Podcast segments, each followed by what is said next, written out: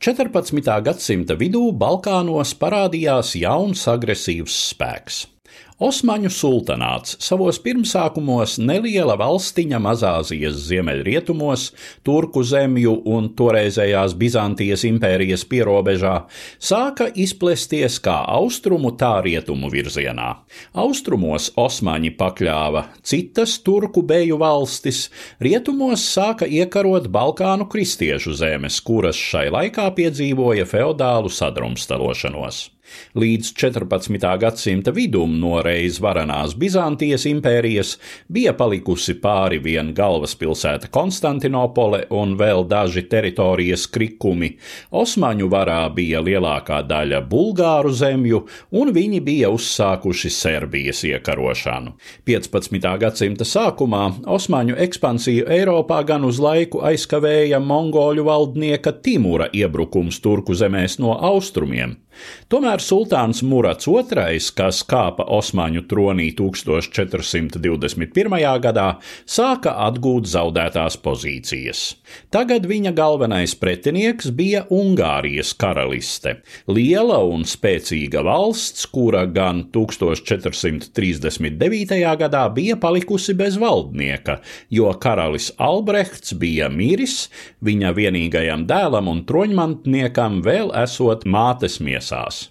Ungāru augstmaņi piedāvāja troni polijas karalim Vladislavam III Jagailim, kurš nonācis pie varas, uzsāka sekmīgu karu pret turkiem un piespieda sultānu slēgt mieru.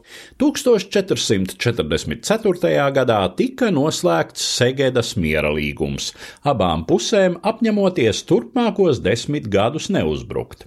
Drīz pēc tam sultāns Murats atteicās no troņa un atstāja to savam 12-gadīgajam dēlam Mehmedam. Vilinājums uzbrukt valstī, kuru vada nepieredzējis puišelis, bija pārāk liels, un karalis Vladislavs lauza mierlīgumu. Mehmeda uzstājīgi lūgts, Murats atgriezās un stājās turku armijas priekšgalā. Abi karaspēki sastapās netālu no Varnas pilsētas mūsdienu Bulgārijā 1444. gada 10. novembri. Par armiju lielumu ir aptuvenas ziņas, taču tiek lēsts, ka kristiešu varētu būt bijis ne vairāk kā 25 tūkstoši, savukārt turku vismaz divas, varbūt pat trīs reizes vairāk. Kristiešu armijas lielāko daļu veidoja vienības no Ungārijas, Polijas un Bohēmijas, bija arī mazāki kontingenti no Valahijas, respektīvi Rumānijas, Horvātijas, Bosnijas, Lietuvas, Pāvesta valsts, valsts un teitoņu ordeņa. Sākotnēji cīņa ritēja līdzīgi.